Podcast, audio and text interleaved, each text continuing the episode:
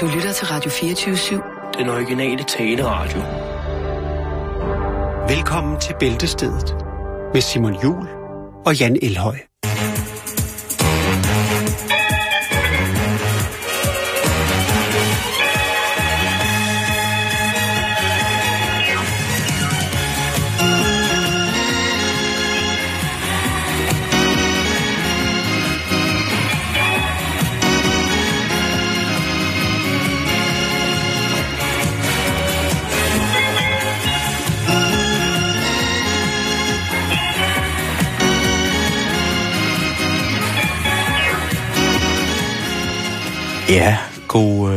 Eftermiddag, skal vi sige. Og her er det jo altså til tonerne af OE, BKS, Ole Erling, Ja, som jo desværre har mistet her i, øh, i Ja, løbet af... han er ikke blandt os længere. Han er ikke blandt os, han rejste, han rejste videre. ja. Men han du, har jo i øh, den grad et, øh, et øh, bagkatalog, som øh, altså, så vidt jeg kan se, sidste udgivelse i 2006, men første udgivelse i mit fødeår, nemlig øh, 1971, mm. Mm-hmm. hvor han øh, rent faktisk smider tre LP-plader på gaden.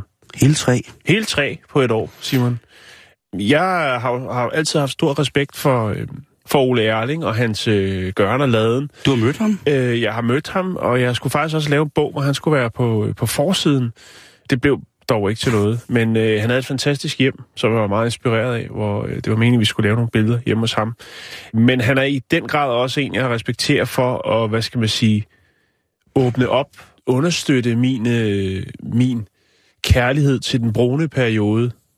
Helt sikkert. Og den brune musik i den, Den grad. brune ikke? musik jo, som er jo helt klart også er øh, musikken blandt meget andet. Øh, vi, vi skal også snakke om øh, en anden herre, som øh, også desværre er gået bort, som også for mig betyder meget som, som dansk skuespiller og, øh, og kok, kan man vel også godt kalde ham. Multitalent. Multitalent, ja. Må man sige. Men altså Ole Erling, eller Erling Axel Olsen, Det hedder han simpelthen i virkeligheden. det hed han i virkeligheden, ja. Okay. Født på Nørrebro, 29. juli 1938, i København selvfølgelig. Ja. Han kommer altså ikke fra et, et, et hjem med klaver, Simon. Det gjorde han ikke. Det stod ikke skrevet i korten af, Han at skulle blive øh, allboxer. Erling Olsen han skulle øh, blive øh, allboxer. Han er den yngste af tre brødre. Han startede sin øh, arbejds, sit arbejdsliv som visevært. Senere så uddannede han sig til elektriker. Og på et tidspunkt i sin læretid, der øh, bliver han kaldt ind til noget, der hedder Hammondhuset, som øh, ligger på strøget i København. Hammondhuset. Ja. Jeg fandt wow. et enkelt billede derfra, hvor der havde været klaverkonkurrencer derinde. Ikke noget med Ole Erling at gøre, bare lige fordi Mm. jeg lige skulle, jeg tænkte, jeg ville godt have set nogle billeder inden fra Hammondhuset. Jeg tænker, at vi havde sådan noget i gamle Aller, dage. ja, men allerede der, så er vi jo allerede inde i den brune tidsalder. Nå, men det er vi. Øh, altså, Og vi har da- altså, med Hammondhuset. Jeg kan da huske, at vi lavede et, øh, et, et radioprogram for mange, mange år siden, som ligesom kickstartede vores samarbejde. Der var vi jo meget inde i Aarhus-chancerne. Jo, jo, jo. Altså, der, og der jo, var, øh, altså Claus Wunderlich og Ole E. var jo helt klart nogle af vores favoritter. Helt bestemt. og vi har- Helt bestemt. med spillet meget af deres musik. Men hvad var det så, der skete, da, da Ole Erling, han øh, dukker op i Hammondhuset? Han var derinde for at, at reparere noget lys, noget lyssætning, tror jeg, det har været. Han hører simpelthen lydet fra øh, en, et hammernål, og blev fascineret af det. Altså, det er en rigtig dygtig musiker sad ved et år derinde, og sikkert været, det kan være, at det var en, der arbejdede der, eller en, der bare lige var inde for at drømme sig hen øh, til selv at være ejer af et hammerdål. For et hammerdål er jo en kostelig affære, hvis man skal have et rigtigt hammerdål. Oh, ja, ja, ja. Øhm, men da han hørte det her, der blev han simpelthen så grebet og fascineret af det, så han øh, ønskede selv at lære at spille ovl. Men øh, ja, som jeg sagde før, et øh, hammerdål var meget dyrt, og øh, en lærlingløn, så ville det jo tage forholdsvis mange år for ham at få erhvervet sig et ovl. Men han blev faktisk allerede i sin læreperiode ovlejer på en lidt utraditionel måde. Fordi et italiensk øh, orkester var, som optrådte i København, de var løbet tør for penge. Så de har simpelthen ikke... Jeg kunne forestille mig, at de har spillet nogle jobs i København, og måske også i nogle provinsbyer. Og så har de øh, simpelthen festet igennem med deres italienske charme, og øh, blev bjergtaget af alle de smukke øh, danske kvinder. Og så har kassen altså været tom. Og øh, så var der ikke råd til at rejse hjem. Så de valgte simpelthen løsningen, og det var at sælge deres instrumenter. Det gjorde altså, at øh, Ole Erling øh, kunne øh, forholdsvis billigt erhverve sig et øh, transportabel øh, hornerovl.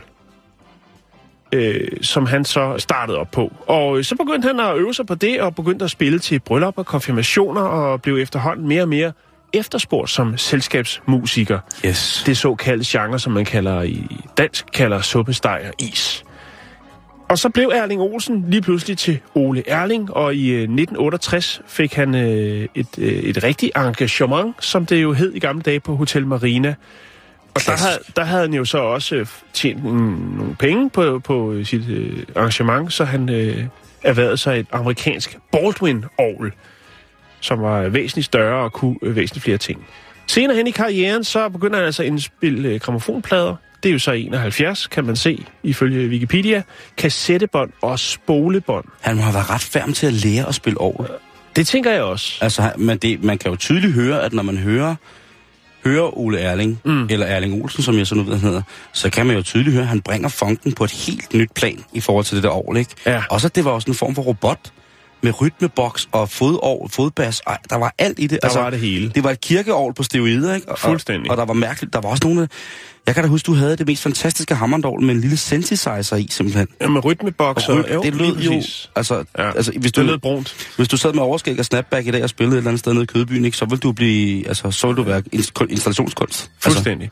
Øhm, men, men den her sådan, form for musik, den var ikke ved, altså man sige, der kommer nye genrer, og der sker en masse, og, og det, det dør lidt ud, det her.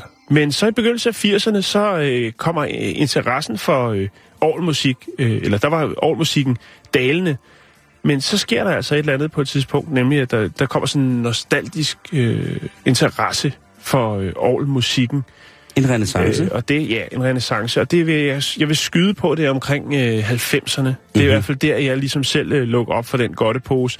Det er også der omkring den tid, at øh, Paul Køller tager på Langelandsfestivalen og spiller nogle af hans øh, helt klassiske børnesange, og jo øh, bliver en kultfigur. Johnny Reimer tager på diskoteksturné Med med, med, nej, med tyrolerhatten og det hele. Og Birte Kjær. Øh, ja, der, sker, der sker altså noget. Der, er der, altså, kommer en kidsbølge jo. Der kommer en kidsbølge. Der er nogle unge mennesker, der tænker, det her, det, det kan et eller andet. Det vil vi godt være en, øh, en del af. Og øh, Ole Erling, han øh, optræder faktisk også øh, på Langelandsfestivalen i nogle år til den her nye jeg set. generation af musikelskere.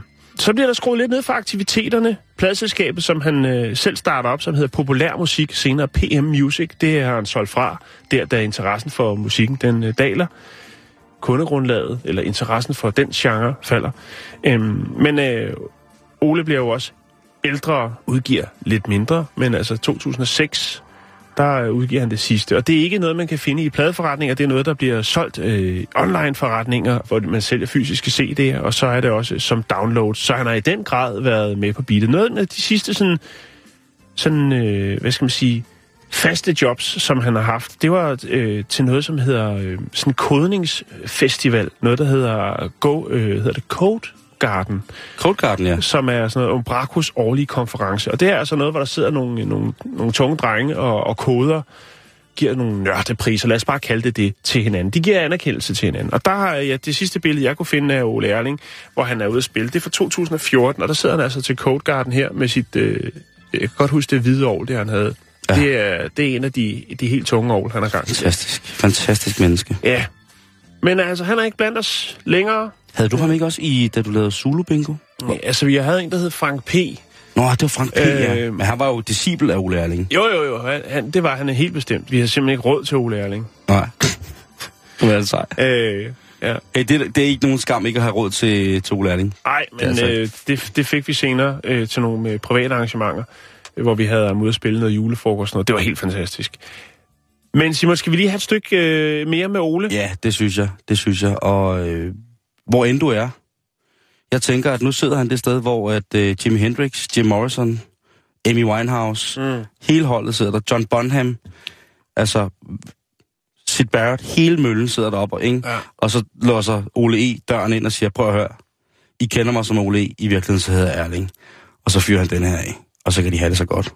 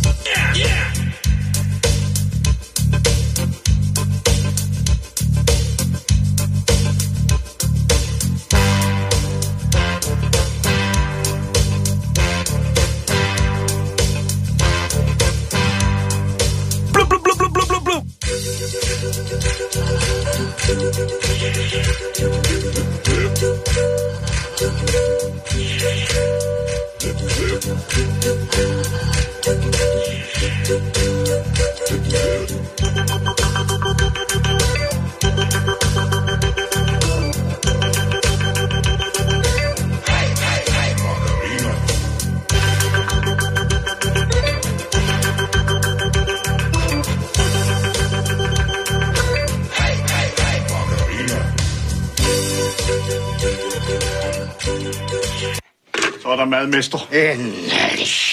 Det kan ikke gå hurtigere. Det skal have 40 minutter ved 220 grader. Ti stille, jeg skal ikke mad have. Ja, mester. Det er sutteål med kaj og ristet rugbrød. Pjat, vi har vigtigere ting for. Og øl og brændevin. Ti så stille, dit store gavehoved. Har du ikke andet en sudål i hovedet, for den er den største dag i mit liv?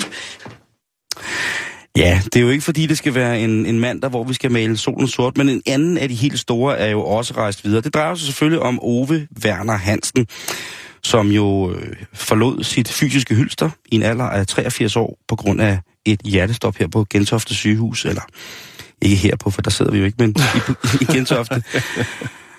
Og der må man sige, at der er tale om øh, en mand, som jo i, folk i vores alder, Jan, jo har et meget, meget kært forhold til, i forhold til, at han jo, hvis man har set Olsenbanden, jo spillede den såkaldte bøf, eller bøffen. Bøffen, ja. Det var ham i lædervest med sixpence, og så en blå hvidstribet trøje, ikke? hæleløs træsko, og så en øh, gammel øh, Ford Transit, hvor han altid kørte Egon Olsen ud til den visse død. Ja.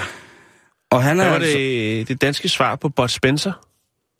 det synes jeg er rigtig, rigtig Danske skidt. pa- pangdang. Pangdang til Bud Spencer. Ja.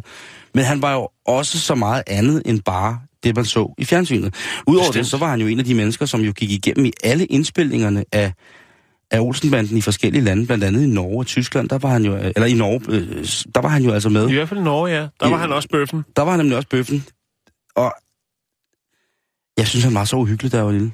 Når han spærrede øjnene op og sagde, yes, boss. Så synes jeg simpelthen, det var så forfærdeligt, at jeg var sikker på, at altså, alt, hvad der nogensinde kunne ske med Egon Olsen, det var jo i ramme alvor, at øh, det, det kunne næsten ikke blive mere modbydeligt. Altså alt fra, fra den klassiske nedstøbning af Egon Olsen i en, øh, i en beton.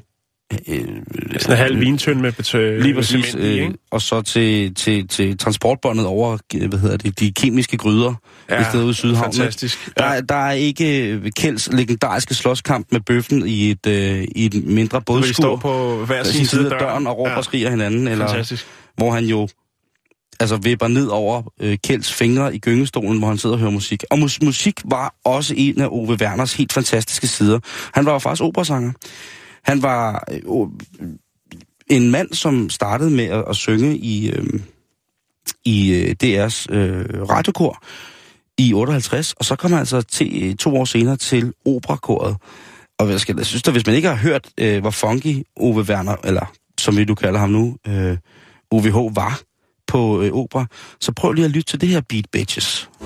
Jeg bliver så glad, når solen skinner, så glem så og sukker savn. Når den forgylder tårn og tinder, så tager jeg byen i min favn. Få det boogie på. Tag mig, hvad der sker, men jeg går rundt og ler. Jeg bliver så glad og fri. Et fantastisk hold af folk, som var operasanger. Og det er jo også sådan, at ham og Paul Bundgaard efter sine jo på Erik Ballings øh, indspillinger, for eksempel Olsenbanden jo, der skulle der nogle gange øh, kunne have været opstået opera-battle, hvor at Ove Werner Hansen og Paul Bundgaard jo brød ud i dejlig, dejlig sang. Paul Bundgaard, som jo var trænet øh, kongelig operasanger. Mm-hmm. Så det er forfærdeligt. Men en af de ting, som jeg elskede aller, allermest ved Ove Werner, det var jo øh, en gang, hvor vi to sad, Jan.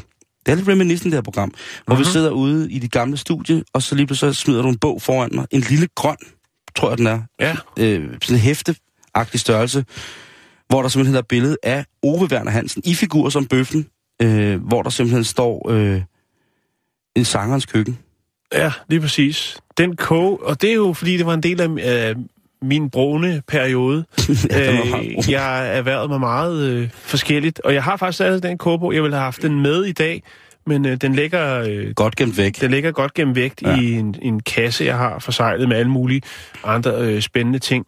Men den, den har vi, jeg har faktisk brugt den øh, kogebog til nogle sketches på et tidspunkt, øh, fordi at der, jeg synes simpelthen, det der var så øh, fascinerende ved den, det var, og meget tidstypisk, det var, at der var forslag til, hvilken øh, genstand man skulle nyde til de retter, som nu var, øh, om det var potteål i fad eller Havtaske. Eller havtaske.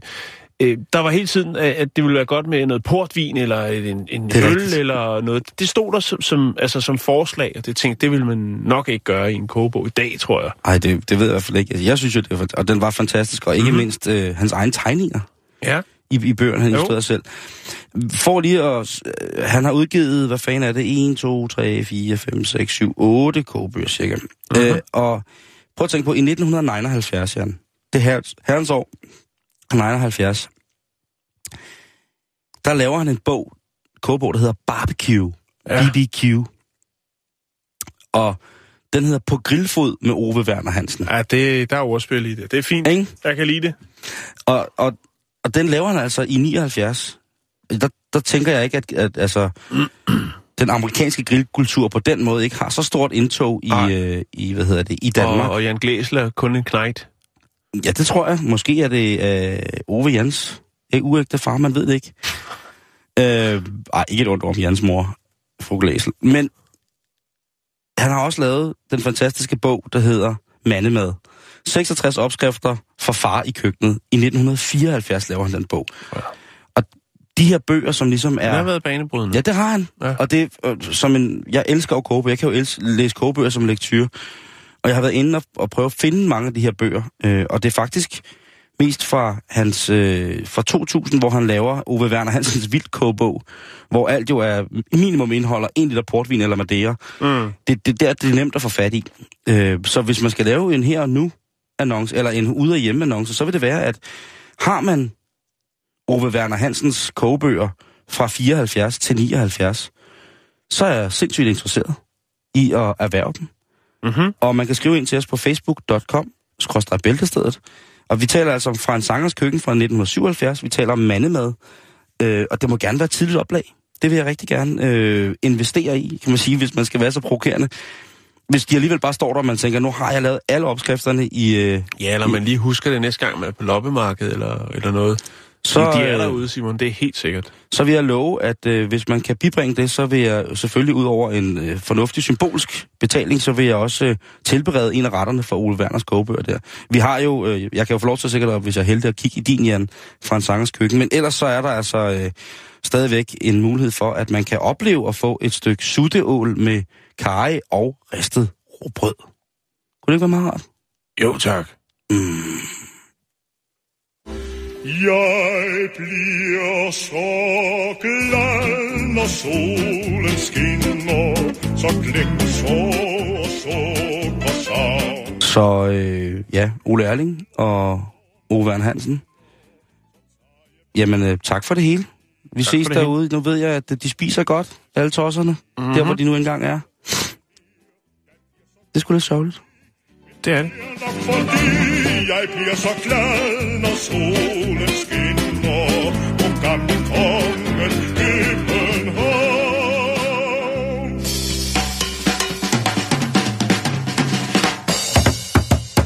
Ja, så er vi i gang, ikke? Kan Godt. du mærke det? Godt så. Hurtigt til en dunker, jeg er vi, klar. øh, vi starter i Kina. Nu skal jeg passe på, hvordan jeg udtaler. Jeg ved, at der er en kær lytter, der sendte sådan en, øh, en guide til, hvordan man udtrykker de, øh, de kinesiske områder, byer, øh, korrekt. Men ja. det Ja. er simpelthen for sofistikeret til mig. Jeg vil Ja, hellere kaste mig ud i, også, øh, øh, i det, og bare sige det, som jeg føler, det skal siges. Øhm, fordi at, øh, det er jo sådan noget, man har lov til jo. Rød grød med fløde. Kan du sige det? Mm. Det er ikke, fordi vi spiser det mere eller noget. Sådan. Det er ikke specielt. Altså, det er faktisk noget, der godt kunne blive trendigt igen, Simon. Ej, det, der må jeg sige, der tager du helt fejl, fordi det har i de sidste rigtig lang tid, altså frugtgrød har været kæmpestort. Okay. Det, det må jeg sige. Jamen ikke der, der... derude, hvor jeg bor. Varmer. Det, Ja. det, det, er der, den er størst. Hvad er den det? Det er der, altså det er jo derude, det, det, Altså, det, det største er Amager-maden på Amager. Jamen, det er Amager. Det, det er det. Amager altså, det, er ikke mere, og det der- er ikke mere end en uge siden, jeg hørte øh, øh, ude på øh, Vestamager Naturcenter, en mor, der råbte til sin søn, kom lige over for en Amager-mad. Ej, Og så tænker jeg, yes, den lever endnu! og så løb sønnen over til morgen, og så, Men du fik, søn, snakker så om grød. og så fik sønnen en knytter. Det er også en Amager mad. jo.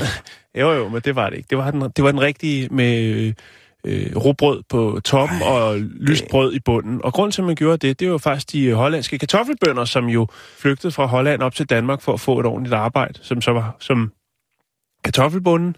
Og øh, det var simpelthen, man lagde råbrød øverst, for at ham deroppe ikke skulle lægge mærke til, at man øh, indtog det her fine, fine Hvidbrød. brød, Ej, shit. når det ikke var en særlig lejlighed, blot en, almen Og det holder stadig. Men altså, grød, grød har, altså frugtgrød har i de sidste, med det nordiske, nye nordiske køkken jo, Ja, vundet, okay. vundet et Ja, indpas, okay, hvor man New tænker, Nordic, hold da op, ja. ikke? Altså, og så hvis man så sætter New Nordic foran, og så skriver sviskegrød, så tænker man, okay, hvor Ja. går der svisker i Danmark, men du får det med alligevel. Hvor der går svisker. Lige præcis, hvor går Ja, der? ah, det gør der sgu mange steder. Du prøv at gå ned for gågaden i Midtbyen. Nå, nu skal du høre her. Vi skal til Kina. Ja, vi skal til Kina. Ja, nu er vi der. Sådan. Det kan godt være, at vi ikke snakker sproget, Nej, men nej. vi dyrker, musik, vi dyrker rytmen. Ja, og vi går i det kopitøj, de laver. Nå, Lige. Jeg kan ikke grine, du så host. øh, vi, skal til, vi skal til Kina, Simon. Tak. Det er en kvinde, hun skal ud og rejse. Det er en indridsflyvning fra øh, Ingrids flyvning. Ingrid, dronning Ingrids Lige præcis, flyvning. det synes jeg, det skal til at hedde fra nu af. Det er meget bedre. Jo, jo, men der skal nok være nogen, der rette sætter mig. Så jeg tager lige en avocado, og så går vi videre. Hun skal fra øh, Chongqing til Hangzhou. Så Hangzhou. Det er fuldstændig korrekt, det der. Fuldstændig korrekt. det der. Jeg kan mærke det. Hun flyver med det øh, flyselskab, der hedder Hainan Airlines.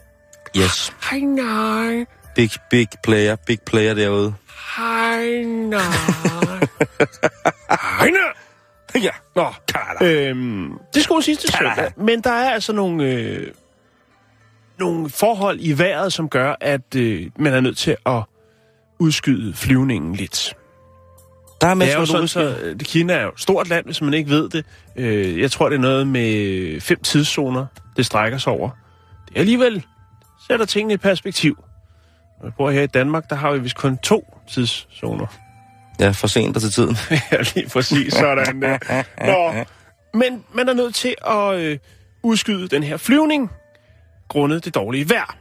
Hainan er selvfølgelig som så mange andre flyselskaber service-minded og tænker, jamen øh, det kan jo tage tre timer, det kan tage fem timer, det kan være, det først bliver i morgen. Så er det jo øh, sådan, at det kan også være, hvis man for eksempel bliver udsat for en overbookning, at så bliver man tilbudt et hotel, som man kan øh, overnatte på. Okay. Nå, nu skal du høre her. Tak. De er service-minded, og øhm, tænker, jamen, øh, vi må jo få folk på nogle hoteller. Folk skal være standby til den her flyvning. Det er ikke noget med, at man siger, at den får det næste fly. Flyet holder og venter på det, og det kan være, at det tager ja, 1, 2, 3, 4, 5 eller 10 timer eller 20. Så derfor så, øh, jeg ved ikke om, om uh, Hainan ikke så tit øh, indlogerer øh, folk på hoteller i så øh, korte tids perioder. Det, Men i hvert fald så kunne jeg forestille mig, at der er en gæv medarbejder fra Hainan, som går på nettet for at se, hvad er der hoteller i nærheden af lufthavnen, som måske udlejer sådan. Måske man kan få det lidt billigere, eller Hvor mange var det, det drejede sig på om? timebasis. Det historien drejer sig om en kvinde. Det er i hvert fald Ja. hende, som har dokumenteret den her historie, som jeg prøver nu lidt, lidt forvirret og, og, og desorienteret, grundet at du allerede nu har smittet mig med din hoste og øh, viderebringen til lytterne. Ja, kvinden får så tilbudt et hotel, og hun tager en taxa over til selvfølgelig på Hainan Airlines regning. Det er jo fantastisk, fordi det her hotel er faktisk et, hvor man kan indlogere sig per time. Og grunden til, at man kan det, det er, fordi det er et såkaldt kærlighedshotel, som man jo har ufattelig mange af i Asien. Mm. Så da hun slår dørene op til sit hotelværelse, jamen, øh, så er det et, øh, ikke indrettet som så mange andre hotelværelser. Der er en seksstol, der er kæder, håndledes og øh, ankelmanchetter, der er alt, hvad man skal bruge for et, øh, et times ophold med en, man øh, har kær, eller føler, der skal straffes på en eller anden måde måske. Det ved jeg ikke. Her er et lille billede, som hun taget. Det er det første Hun har billede. fået en time i grotten, som man kalder det. Ja, det er jo så sådan en hjerteformet rød øh, læderseng øh, med lidt puder, og så, så hænger der lidt forskelligt. Og det, det er hendes førstehåndsindtryk. Det er, når hun slår døren op til det her hotelværelse, så tænker hun, okay, jeg tror ikke, jeg skal bestille room service. Nej, det tænker hun ikke. Men det er altså, det er det. Og det er selvfølgelig, vi har snakket om det mange gange, og det er den her sådan, øh, den her diskretion og den her sådan, sådan øh, hvad, hvad, hvad skal man sige, altså det her med øh, de her pinlige situationer, ikke Simon? Det her med, at man øh, jo, altså, hun har jo stået i en situation og tænkt, hvad, altså, skal jeg bare lade som ingenting? Skal jeg være høflig og bare, eller skal jeg gå ned og sige receptionen, prøv at høre, eller ringe til Hanyan og sige, jeg kan ikke få et andet hotel. Ja. Det kan jo være, at der er en anden en, der også har booket det værelse. Og så får hun en. Nej, det ved jeg ikke. Men det var i hvert fald det, Simon. Er hun inde på et kærlighedshotel, og det var ikke lige det, hun havde øh, forventet på sin lille øh, forretningsrejse. Det... Om hun rent faktisk kom derfra igen, eller blev så fascineret af dominansmiljøet, at, øh, at hun valgte at blive der øh, og tage et ophold, det melder historien ikke noget om. Men øh, hun fik et sted at overnatte, og Hun det er jo det et vigtigste. Sted. Ja, lige præcis. I hvert fald en time, ikke? Og må ikke, at sengen også har været var- opvarmet på forhånd? Man kan aldrig vide. Måske var det en vandseng. Ej, nej.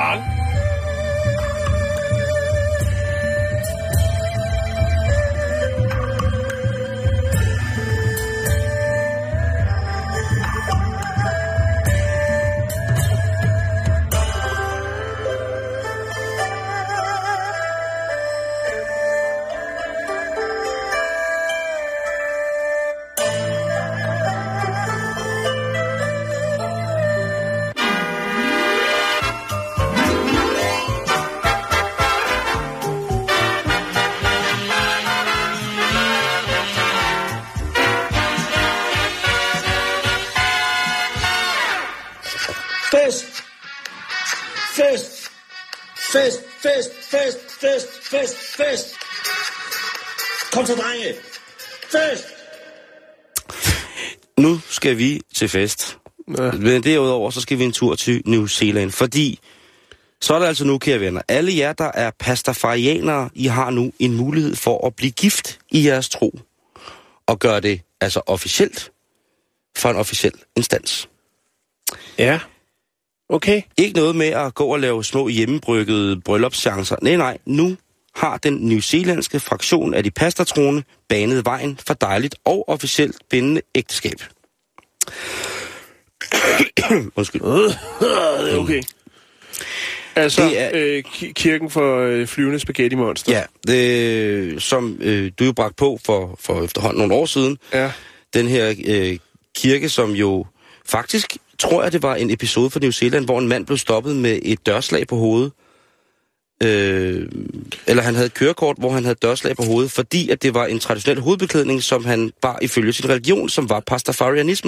Ja, lige præcis. Han var troende i retning af The Flying øh, Spaghetti Monster. Lige præcis. Og Og han det kunne mente- man ikke tage seriøst. Øh, nej, men øh, det endte jo med, at han gerne måtte have den på, ligesom at øh, muslimske kvinder jo gerne må have deres burka på, når de bliver affotograferet mm. til henholdsvis pas og kørekort, eller andre foto-ID-mæssige øh, installeringer. Det øh, viser sig jo altså, at New Zealand er et ret åbent land, når det kommer til at tage imod nye trosretninger, nye overbevisninger, nye mm. grundfilosofier for, hvor, hvor, at mennesket skal eksistere. Og nu har øh, Indrigsministeriet, Justitsministeriet, altså besluttet sig for at sige, prøv at høre, vi anerkender religionen, som omhandler det flyvende spaghetti-monster, som en officiel trosretning her på New Zealand. Ja. Og med det følger der så selvfølgelig også de klassiske skatteunddragelsesmuligheder. Der følger så også muligheden for at kunne begrave. Der følger også muligheden og forpligtelsen for at så kunne vige folk i den retmæssige flyvende spaghetti-monstertro. Den første af de præster inden for kirken, som har ret og fået bevilling til at gøre det her, hedder Karen Martin. Og hun er en, en kvinde, som har været medlem af kirken i siden sidste år. Hun har før været almindelig troende og præst, men nu er hun altså forkynder i hos det flyv- flyvende spaghetti monster. Mhm. Hvis man kigger på øh, Facebook-siden, der tilhører det flyvende spaghetti, kirken af det flyvende spaghetti monster, så kan man altså se øh, billeder fra det første bryllup, der bliver øh, indgået her i, øh, i det hellige øh, pastamonsters navn. Og når man er præst i kirken, så er, bliver man det, der hedder minestroni. Ja. Og øh, man siger ikke amen, man siger amen. Ligesom ramen, som jo også er et, et pasta-fænomen. Mm-hmm. Øh, om det er en alkalisk ramen, eller om det er en anden, det ved jeg ikke. Men det er i hvert fald er. Kirken, hvor det her foregår, hvor hun hører til, øh, er Wellington-baseret, altså byen Wellington, New Zealand. Og de er altså glade for, at øh, folk nu kan blive gift. For der bor et par stykker af de her pastafarians i, øh, i den by. Ja, det er jo noget, der har spredt sig ud over hele verden. Jeg tror også, der er nogen, der øh, i Danmark jo har været ude og sige, at øh, det er også noget, de er en del af. Men øh, også i USA, Simon, hvor der jo også øh, er en del, der har øh, bedt om at få lov til at blive øh, videt. Øh, så det er jo noget, altså, det er jo en verdens, verdensomspændende religion efterhånden. Og Der man skal kan godt være- udefra måske synes, at det virker lidt skørt, men jeg tror faktisk, at øh, de tager det ret seriøst. De tager det meget seriøst, Ja. og de elsker hinanden, og deres kærlighed er ikke mindre seriøs, selvom de tror på et flyvende spaghetti-monster. Sådan har jeg det. Og hvis de mener, at en eller anden form for, selvom det måske er skabt af en, en religion og en eller anden slags, at de skal kunne gifte sig, mm. og derved vidderliggøre Ja. deres kærlighed over for hver andre, så synes jeg altså også kun, at det er rimeligt. Mm. Det koster ikke noget at blive øh, få Karen ud, som, øh, som kan vi egentlig i det hellige pastamonsters navn. Men hun vil gerne have betalt sine rejseudgifter. Jo, Og, det manglede det også bare. og så skal man så også, når man er blevet hvid i Spaghetti Monsters navn, så skal man lige donere lidt. Ja. Det synes jeg også er fair nok. Det er, sy- sådan, er, sådan foregår det jo med i de fleste kirker. Og man kan donere mellem 150 og 800 New Zealand dollars, hvis det er det, man har lyst til. Mhm. Kirken er, øh, er nu jo så lidt i en, hvad kan man sige, ikke en krise, men i et spændende, den, den, kirken står på et, et spændende vadested, fordi hvor skal de så, en ting er, at folk bliver gift, det er jo dejligt, men der sker jo også noget i den anden ende af livet. Og hvor skal man så kunne stede en ortodox pastafarian til hvile? Og Det er et godt spørgsmål. Det er et problem, som øh, de diskuterer stadigvæk, fordi at øh, de vil selvfølgelig gerne have en separat kirkegård. Mm. Og der synes jeg måske, det er lidt voldsomt. Det, øh, jeg kan selvfølgelig godt se, at de skal anerkendes som trosretning og så videre, så videre, og som øh, alle andre. Men jeg troede, havde måske håbet på, at øh, trosretningen Pastafarianism var en, en overskydende, altså en tro med, med, med et overskud, hvor at man ligesom kunne få lov til at, at eksistere og sameksistere med alle andre trosretninger, og derfor så også, når man så forlod denne jord, altså skulle videre på sin rejse, også havde lyst til, ligesom man i sit samliv havde gjort, at blive stedt til hvile, altså ens fysiske rester stedt til hvile, mm. i blandt de mennesker, man også har gået imellem. Jo, Øh, men der er selvfølgelig øh, fraktioner, og jeg, jeg venter jo bare på, det som jeg ser her med en religion, der er så hurtigt voksende, jeg venter ja. Jo bare på, at der kommer en, en ekstremistisk fraktion. Altså, ja, der kommer men, en... Men en det er, jo en, øh, det er jo også lidt sådan... Altså, det er jo mest for sjov, ikke? Og det er jo lidt sådan en... En uh, rebelsk... Altså, det er lidt sådan, hvad skal man sige, klassens frække dreng agt religion, Mm. mm. ikke? Altså blandt andet, øh, Jo, det kan man når man øh, stiger til himlen, som man også gør i den her religion, jamen så vil man øh, kunne nyde godt af en ølvulkan og øh, stripper, og til tider måske også øh, altså prostitueret. Øhm, hvis man så øh, kommer i helvede som pastafarian, jamen så øh, får man stort set det samme. Det vil dog blot være øl, der er for gammelt, og så vil det være øh, stripper, som har seksuelt overførte sygdomme. Ja, Så det, der er også lidt himmel og helvede i det, Simon. det er, der, det er der den grad. Derfor så bliver det også rart, at, øh, er det jo netop også rart, at man kan blive, blive gift, og så for det store Spaghetti Monsters åsyn jo vise sin tillid til et andet individ i samme trosretning, således at man sammen kan leve et liv, der i sidste ende giver adgang til ølvulkanen af dejlig øl og øh, sygdomsfri stripper. Jeg gad nok vide, hvad der øh, ville ske her, hvis at den religion blev godkendt i Danmark som øh, en officiel trosretning. I New Zealand, der har de jo altså øh, virkelig taget hånd om det her. Også fordi, at der var jo en øh, sag, hvor at kirken af, af Star Wars ligesom blev underkendt. Ja, det er rigtigt. Ja. Øh, og det, og de, var, de var jo altså ude i, at de skulle opretholde universel fred og i arbejde i pagt med kraften, altså The Force. Mm. De fik at vide, at de godt kunne pakke lysværet og deres, øh, og deres ugier sammen. Fordi. Ja. det havde ikke nogen sted hjemme, og de ville kun ud på at undgå at betale skat, så det fik de altså ikke lov til. Men altså, Spaghetti Monsteret, de har altså virkelig, virkelig fået hul igennem. Det har øh, for eksempel Vika, heksetrosretning også. Okay. Scientology er også godkendt som trosretning mm. i øh, New Zealand. Det, som øh, de kalder for hætning eller hedning i vores øh, asertro, er også godkendt som, øh, som officiel trosretning. Druider som trosretning er også godkendt. Øh, Reiki, eller den åndelige øh, region om åndelig helbredelse, er også øh, godtaget. I virkeligheden, så har de i New Zealands øh, indrigs- og justitsministerie altså formået at åbne dørene op for nogle trosretninger, som ellers andre steder på jorden ikke har så nem en gang i forhold til at være en officiel trosretning. Så det mm. synes jeg jo er, er ret fantastisk. Ja.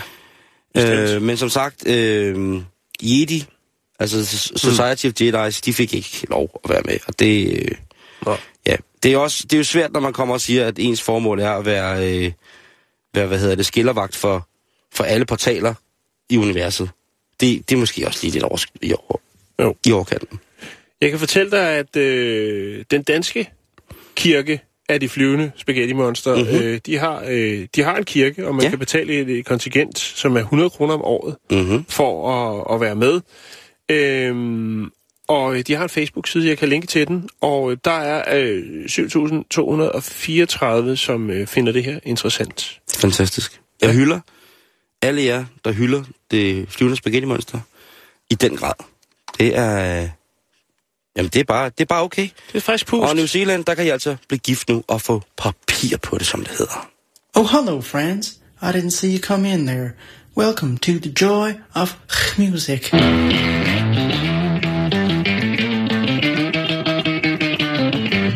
Det er bare fremtiden. Simpelthen. Bzzzt. Vil du gentage adressen? Bzzzt. Vogn 12 kalder centralen. Skifter. Ingen tomgang, ingen ventetid. Ingen kunder. Emma, det var under bæltestedet.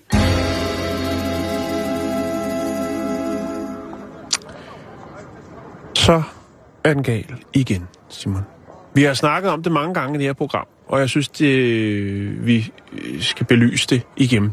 Det er problemstillingen, der er på Times Square i New York. Oh. Et samlingspunkt for mange naive turister, som bliver bundefanget på den ene og den anden måde i reklamernes, lysreklamernes skær. Kæft, mand, jeg kunne godt skrive en roman. Nå, Jeg synes også, at du, er, at du har lavet dig et poetisk niveau i dag, som altså er en hver, hver onsdag øh, virkelig jeg godt ved ikke, bekendt, hvad der Jan. sker. Nå, jeg, jeg, jeg er fucking... jeg har ikke engang sovet specielt mange timer i nat, faktisk. Det er heller ikke. Så, så det kan ikke være, fordi jeg er veludvilet. Det, Men du er veludviklet. Ja, det er Nå, nu skal du høre her, Simon. Den er galt igen. Der er blevet foretaget nogle anholdelser. Og den her gang, der er det altså Chewbacca, det er en stormtrooper, og så er det Cookie Monster, som har, øh, har været upassende, har opført sig upassende på Times Square i New York over for turister. Der er blandt andet øh, den blå figur, Cookie Monster fra Sesame Street, som... Øh, som øh, gør, som de nu jo gør. Og jeg har fundet et på film, og der ligger også en... en, en, en den, ved, den skal jeg ligesom finde igen. Det kan vi lige vende tilbage til. Mm. Men der, der, der tvangsposerer de jo med folk, og efterfølgende så vil de have penge, og hvis, øh, hvis man giver dem for lidt penge... Det, Tvangsposere. ja, Men Er tryk? Ja. det Ej. hedder tvangsposering. Jeg ved godt, det er et nyt ord. Jeg har lige fundet på det, Jamen, men jeg den, prøver, den sidder det, er lige i jo, det er jo fuldstændig rigtigt, jo. Ja, Man bliver jo tvangsposeret. jeg skal lige skrive det ned. Det, det, det kan vi sgu da bruge til et eller andet. Om ikke andet en app. Nej. Altså, jeg mener, at blive tvangsposeret, det er jo, det er jo fandme et fedt ord. ja. Det er det, man bliver. Jamen, det er det jo. Så lige så står Mickey Mouse der og rager ind på, på pikken, mand, og man bare lyst til at fucking rive ørerne Ja, den fucking kæmpe mus, mand, og bare, så nu slapper du af, mand, lorterotte, fjern dig fra mig, jeg gider ikke være de klamme hvide mand. hand- handsker af, lad mig se, hvor små dine hænder er i virkeligheden. Ja, eller skal vi breakdance, mand? Kom nu, mand. Askepot, sut Cookie. Monster øh, poserer, tvangsposerer med en kvinde på 39 år. og øh, der er der jo så det her med, at øh, så ønsker øh, Cookie Monster jo nogle penge for den her tvangsposering. Og 1 dollar er ikke nok, og 5 dollar er ikke. Ikke nok. Der bliver krævet 10 dollars for at stå med en eller anden, øh, en eller anden øh, halsløg ude på Brooklyn af. Ej, nej, nej, prøv ja. Jeg fik hele Avengers for 2 dollars i Las Vegas. Jo jo, men det er også Las Vegas. Det, Der var ikke, de kunne ikke et ord engelsk. nej, nej. Men til gengæld så, Og jeg måtte ikke gøre Thors hammer. Jeg prøvede at få fat i den der hammer. Jamen, det var også... så har du været fuld. Ej, det... Eller, nå jo, Eller også var du bare glad. Nå, øhm, det var en kombination. men... Hvad sker der? Jamen, øh, det, Det er bliver til ned. sådan en, en, en, ho- en, Det bliver så sådan lidt en diskussion. Og der har så også været noget, vi har haft det tidligere, men øh, nogle af de her sådan, udklædte personer øh, i forskellige Disney-figurer, og hvad det nu ellers er. Spider-Man er også meget populær. Der, jeg har faktisk fundet noget, hvor Spider-Man er oppe at slås øh, med en mand, der er blevet træt af, der bare står og brokker sig over det. Og der er også noget, hvor en sort Spider-Man er oppe at slås med politiet. Der findes meget god underholdning fra Times Square. Men altså, problemet er jo bare, at... Og det er jo det, der lader det. Jeg har fundet en video, hvor der er tre Spider-Man på Times Square og to Cookie Monster.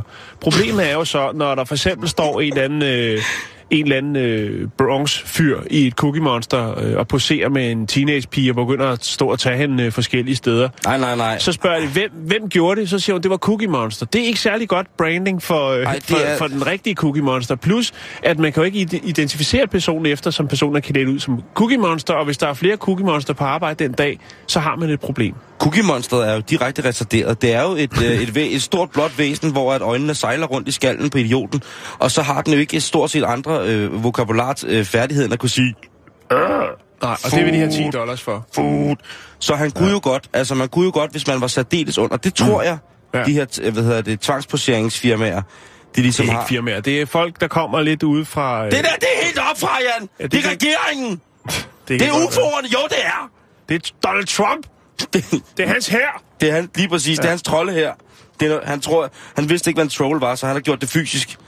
Han har en hel her af retarderede mennesker i Kukemons kostymer. Nej, det, det er jo, altså... Der har jo været så mange sager om det, hvor de her typer, blandt andet Mickey Mouse, den fede rotte, har været øh, en lille smule for frisky i Disneyland, ikke? Og så har de hævet, Jo, jo, jo. Det så har de er- hævet masken af, af, af, af det hæderskronede tegneseriedyr. Ja, og så fundet- står Søren Pape der. Fuck, mand, det opdager jeg! Ah, ah, nå. Øh, Nej, din fede rotte. Nej, men det er jo... Ja.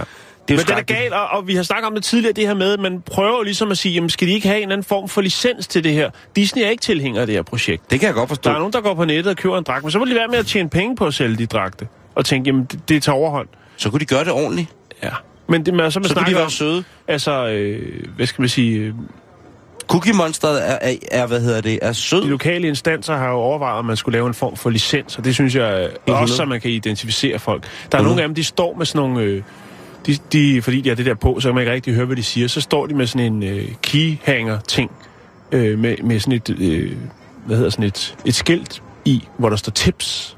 Jeg har selv prøvet det foran de kinesiske teater i øh, Los Angeles, hvor at øh, min datter så, jeg kan ikke huske, hvad for en figur det var, så ville hun have taget et billede, så stod han også der, det der helt, når man kom tæt på, kunne man se, at det der tigerdyrs kostyme var helt kørt i bund, ikke? Og så stod han med sådan nogle sædler ind i hånden og vippede sådan med hånden, fordi tænkte, hvad fanden, får vi, giver han penge også? Men det var, han ville have penge. Øh, og det synes jeg lidt. Ja, der er faktisk ja. så, øh, jeg lægger lige lidt, lidt film op, hvad jeg nu har, lige har kunne finde. Der findes også en, en øh, ret sørgelig film, kan man vel kalde det, hvor Batman og Spider-Man er oppe og slås. Jamen, Øh, der det er er- noget med drikkepenge. De, Ja, men det, der er også den klassiske, hvor at Svampebob Firkant jo bliver anholdt. Ja, fordi Efter... han er oppe og slås med to kvinder ja. Ja. øh, foran de kinesiske teater ja. Ja. i Los Angeles. Den kan jeg også lige finde og lægge op. Så Og er det lidt, er- man kan hygge sig med på vores Facebook-side, som selvfølgelig er facebook.com-bæltested. Vil du sige noget, Simon? Jeg, jeg synes bare, det er vigtigt at, øh, at pointere, at en, øh, en bamselicens er på sin plads, hvis man vil, mm. hvis man vil tvangsposere folk. Ja. Også i Danmark, fordi... Enig. At tænk nu, hvis man, hvis man har været det første Cookie Monster på Times Square, ikke? Jo. Og lige pludselig overfor, så står der en dårlig kopi, ikke? Jo. Og så skal der stå, så står der to retarderede kagemonster og, og, og, og smadrer rundt der, ikke? Jo, jo. Jeg synes, det, er, det må kræve noget træning. Også fordi, at vi jo i Danmark, der har vi jo altså uddannelser for den slags ting. Og så er det altså et fagforeningsmæssigt problem.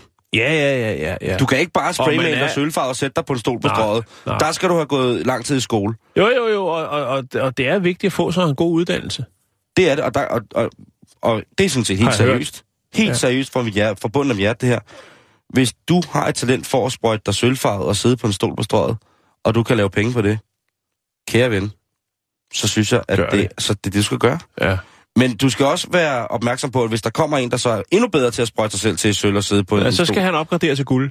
så skal du opgradere til guld eller platin, eller så rød guld, eller du, så må du steppe dit game op. Blodguld. Men der, er- der er ingen grund til at slås over. Perlemor vil være original. Der er alt for lidt fokus på perlemor, og hvor, hvor smukt det egentlig kan se ud. Man kan jo sige, at jeg ved, der er en eller anden form for større magt, som, som sørger for os i forhold til at kontrollere en eller anden form for yin og yang i det her. Øh, der er et stort dansk cirkus, der bliver nødt til at, at lukke nu. Det er jo altså Jo. altid dejligt. Men, men man kan sige, men man kan sige, i forhold til, til at hvad det så, øh, hvad det så, hvordan det så spreder sig, ikke? Med, Jo. med piger strutskørt stående på heste, og øh, folk i for store sko med røde næser, og Ja, andre det, det uhyggelige findes ting. også på strøget. Lige præcis, men bliver vi nu overrendt af det? Skal Ja. vi nu øh, lige pludselig se øh, sådan et lidt halvkvalt forsøg på at lave et trapezstativ inde på rådhuspladsen, hvor der så hænger sådan en lidt grundfed havbamse en kælling og svinger et par elastikker? Nej, det synes jeg ikke, vi skal. Nej. Der bliver vi nødt til at, at, at, at, at gribe, gribe ind. Og der er det, jeg tænker, at en ny cirkuslovgivning, der tænker jeg, hvis Eva Kær, hun misser den her i løbet af dagene. Skal jo være gøjlerminister. Tak, Jan.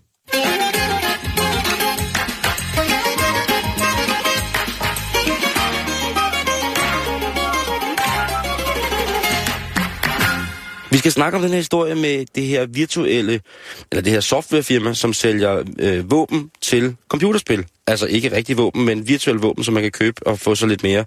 Selv, Øh, øh, det, Mere salgsargument. det, det lyder for mig lidt mærkeligt. Altså, man, man sælger virtuelle våben til spil. Ja, det var svar til, hvis der var et andet øh, computerprogram, hvor at man kunne købe en ny hat til Super Mario. Altså en add-ons. Fuldstændig korrekt, Jan. Okay, tak. Mega. Mærkeligt. Jeg forstår det ikke, men det er da, altså, hvis, det er hvis man kan leve af det, hvis man kan leve af det, så er det da meget godt. ja, nå. Men øh, der er så nogen, der, der har et firma, hvor de sælger virtuelle våben til skydespil. For eksempel. Ja, okay. Og der er der altså en gut, som øh, det historien handler om. Øh, I kender, måske hvis I ikke kender den, så kan I lige blive stop. Der er en gut, der går ind, han køber en våben til sit computerspil, bum, han bliver anerkendt som kunde nummer 100.000. Det der står alle mulige steder, hver gang man logger ind på en pornoside, så øh, du er nummer 100.000, øh, du kan vinde øh, 3 dollars. Ja. Men her, der kunne man faktisk vinde noget. Men 3 dollars. Her kunne du faktisk vinde noget i det her software-imperie. Her kunne du nemlig vinde en måned på hotelværelse med en russisk pornostjerne. En måned? En måned. Så skal man bare være på hotelværelset en måned. Det må være rimelig... Øh... Ja, nå. Men det har der jo blevet snakket øh, vidt og bredt om, hvad der, hvad der skulle ske her. Drengens mor er ikke udpræget. Hvor gammel er han, ved Han er det? 16, Han er 16 år, okay. og han er så- tidligere barnestjerne. En form for Lars Højby. Øh, en form for Lucas Graham. Lucas Forkammer. Ja, Som nu som 16-årig har fået lov til at skulle... Øh, skulle bo sammen med hende her. Og, og drengen, han er jo stærkt tilfreds. Du skal forestille dig, det er en Ja. dreng, som elsker at spille computer. ja. Og så lige pludselig så har han mulighed for at bruge en hel måned på hotelværelse med hende. Og han har tjekket hende ud. Ja, det har han helt sikkert. Han har tjekket hende ud, og han er tilfreds med hendes dimensioner, som han selv udtaler. Det kan jeg godt lide. Det er et russisk ja. øh, vidunderbarn, der ligesom udtaler sig der. Det er dybt. Han er virkelig, virkelig glad, og glæder sig til det her. I midlertid, så er hans mor ikke så tilfreds med Nej. konceptet. Det her, det er åbenbart noget, der har en værdi af godt og vel 10.000 kroner. Ja, Og nu der sidder der sikkert, Altså- nogen, der, der sidder sikkert nogen derude og tænker, kan jeg bo på et hotel i en måned med en russisk pornostjerne for 10.000 kroner, så skal jeg da øh, saftsus med afsted nu. der Det er så mange ikke- ting, der er forkert der. Altså, er det en ord stjerne? Det er jo virkelig at hive det op på et niveau, Ja, det er helt forfærdeligt. øh, som... Nå, men det, I hvert fald, det er nok bare mig. Han er 16 år gammel, og øh, Men altså, han skal vel passe sin dagligdag, og hun skal vel også lave nogle film og, og noget. Tænker, altså, altså, han skal da være med. Nej, det skal han vel ikke. Øh, Det vil han ikke afvise. Okay. Han, øh, han siger, at... Øh, eller hun siger, hende her, øh, damen, øh, Ekaterina. Makarova, ja, hun siger, han, øh, at Pentukova? han kan da ikke af, hun kan da ikke afvise, at øh, hun skal han, øh, give ham den 16-årige en tur. Nej. Han er 16 år, det er en god alder at blive selvstændig på, siger hun. Ja, Og det vil hun så kunne hjælpe ham med. så er det fra en kvinde, der... Nå, Jamen, ja. ja. Ja, det bliver men der er jo sikkert det mange, der er nu. misundelige. Der er sikkert mange, der er misundelige. Øh... ja, det er der. Ja, hun er heller ikke, hun er ikke grim på nogen måde, hende her, den unge dame. Ah, nej. Jeg siger ikke, hun er overappetitlig. Jeg siger bare, hun er der ikke. Og hvis man alligevel havde bukserne ned for at lave pølser, så kunne man da godt lige falde over et stykke rullepølser. Så...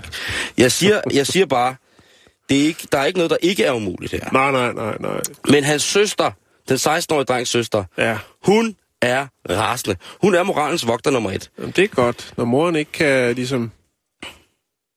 Ja, Hun siger, hvad siger hun? hvad nu, hvis det var en pige, der havde vundet? Ja. Hvad nu, hvis det var en gammel dame, der havde vundet? ja, men chancen er nok minimal. Jeg er vel... Altså, hvis vi skal tage den sådan helt, så er det vel nok drenge. I, I hvert fald også i den alder, der måske 14 til, til op i 30'erne, der øh, beskæftiger sig mest med øh, skydespil. Moren, hun raser imod det her øh, firma, som sælger de her softwarevåben til, til de unge. Hun siger, det er simpelthen så moralsk forkasteligt, at det næsten kunne være nok. Putin burde straffe dem og straffe flere af deres familiemedlemmer for det her. Jeg tror faktisk, at Putin han får øh, ufrivilligt fortaget rigtig mange... Øh, altså, der bliver lagt rigtig mange ting på hans skulder af små øh, dagligdagsproblemer, hvor man siger, "Men ved du hvad, hvis du, ikke, øh, hvis du ikke spiser den fedte mad, så kommer Putin.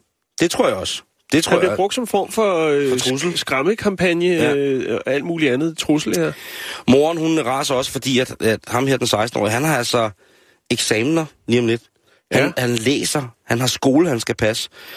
Jo, jo, hun, men, hun frygter, at hvis, hun, hvis han kommer ind i, et- på et hotelværelse, Og får helt inde i smagt- Moskva, for smagt på... Øh, den forbudne russiske frugt, ja. så, så interesserer skolen ham ikke særlig meget øh, mere.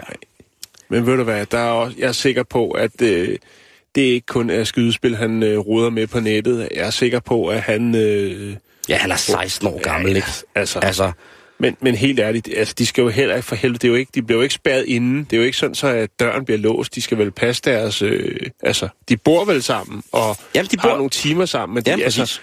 de har vel begge to en dagligdag, der skal fungere, ja. går jeg ud fra. Det er vel ikke fordi, at de, nøglen bliver smidt væk, og så skal de, de skal være sammen i en måned. og så er der skjulte kameraer, så Det der er det er kærester. Lige præcis. Hun synes nemlig, at han ser rigtig sød ud, ham her. Altså, hende, øh, madammen der, Ja, stjernen, ja filmstjernen, Ja. voksefilmstjernen. Hun synes, han ser rigtig, rigtig, rigtig sød ud, og ved også godt, hvem han er. ja, Fordi han jo har været børnestjerne. ja, Øh, Grumshi, jeg, jeg ved ikke, Grumshoy. jeg kan ikke forestille mig, hvordan det vil se ud herhjemme. Mest fordi, at jeg ikke er up-to-date med, hvem der er pornostjerner i dag. De pornostjerner, jeg, Jeg tror kender... øh, ikke, de findes mere dem, rigtigt. De danske Tror pornostjerner, jeg så på, dem, det er jo øh, mennesker, som jeg i dag kender som voksne individer, som jeg har det øh, super dejligt med. På mange måder. Jeg tror ikke, det, jeg, Jeg tror kender ikke, kun én. mere, Simon. Jeg kender kun en, Ja, som siger, at det kan godt være, at han stadig giver en tur. Og det er Lasse. Lasse P. God gamle Lasse, han siger jo, at øh, det kan da sagtens være, at han ikke stopper, så længe han kan. Altså, Men han kan vist ikke mere. nå, Han har i hvert fald været ude og udtale, at det var slut. Nå inden han skulle i politik, han vil være løsgænger. Ja. Men det kan jo godt være, at han får brug for noget kampagne noget. Jo, jo, jo. Så kan det være, han kan alliere sig med ham der øh, Langer. Ikke Mads, men ham den anden. Lokalpolitiker, der jo lavede valgplakater, hvor han stod. John? John Langer, eller hvad der var? Mm, ja, ja. Ja, nå. Men øh, jeg, jeg tænker, det, det, vil ikke, øh, det vil ikke gå herhjemme, og selvom vi jo har en stor, et virkelig, ret, et virkelig et ret stort portefølje af firmaer, som genererer ret voldsomt på at lave øh, ting og dem sig til computerspil, så har vi altså ikke nået det her. Apps, Simon. Jeg kan da huske en gang, hvor at der var et, øh, en radiostation, som udlovede et par nye bryster eller sådan noget. Det Ja. blev der et ramaskrig over. Ja. Så jeg tør da slet ikke at tænke på, hvis, der, hvis nu P4 udlover en hel Et måned gamle. sammen. Et P4 udlover en hel måned sammen med Pornolasse på, øh, på Slip Ind i Aarhus. Ja, eller Stig Rossen. Er han porno? Ja, han er selvfølgelig pornostjerne. Han er der om noget. Øh, det ville så være mærkeligt, hvis det var The Voice, som udlovede en måned på hotel med Stig Rossen. Jamen på at deres øh, lytter aner ikke, hvem Stig Rossen er. Det er også lige meget, når først stiger, når ja. først stiger for Men fat der er sikkert mange, der misunder den her unge knægt, øh, den her gevinst. Jeg tror, hans status i computer- og gamingmiljøet i Rusland har nået uanede højder. Til gengæld så vil jeg ikke love, hvad der sker, hvis først døren smækker bag dig, og Stig Rossen han står i et par læderunderbukser, og han, smider nøglen, han sluger nøglen og siger, at den kommer først ud om en måned. Det, det tør jeg sgu ikke. Øh. Så lad os være glade for, at det sker i Rusland, men på den anden side set, et virkelig hårdt mersalgsargument for at købe computer. Altså det er segmenteret helt rigtigt, det der, uden moral og etik. Ja, ja, så er, er, hvad hedder det, segmentorienteringen på lige præcis denne kampagne mm. med at vinde en måned med en pornostjerne til 16-årige drenge, det kan næsten ikke blive finere. Jeg tror, at de, de 10.000 kroner, det har kostet at sætte det her op, øh, er godt givet ud, når man tænker på, hvor meget presseomtale øh, det her øh, for mig ukendte firma får for, for det her. Det er det, jeg mener. Der er fest og farver. Giv den gas. Giv den gas.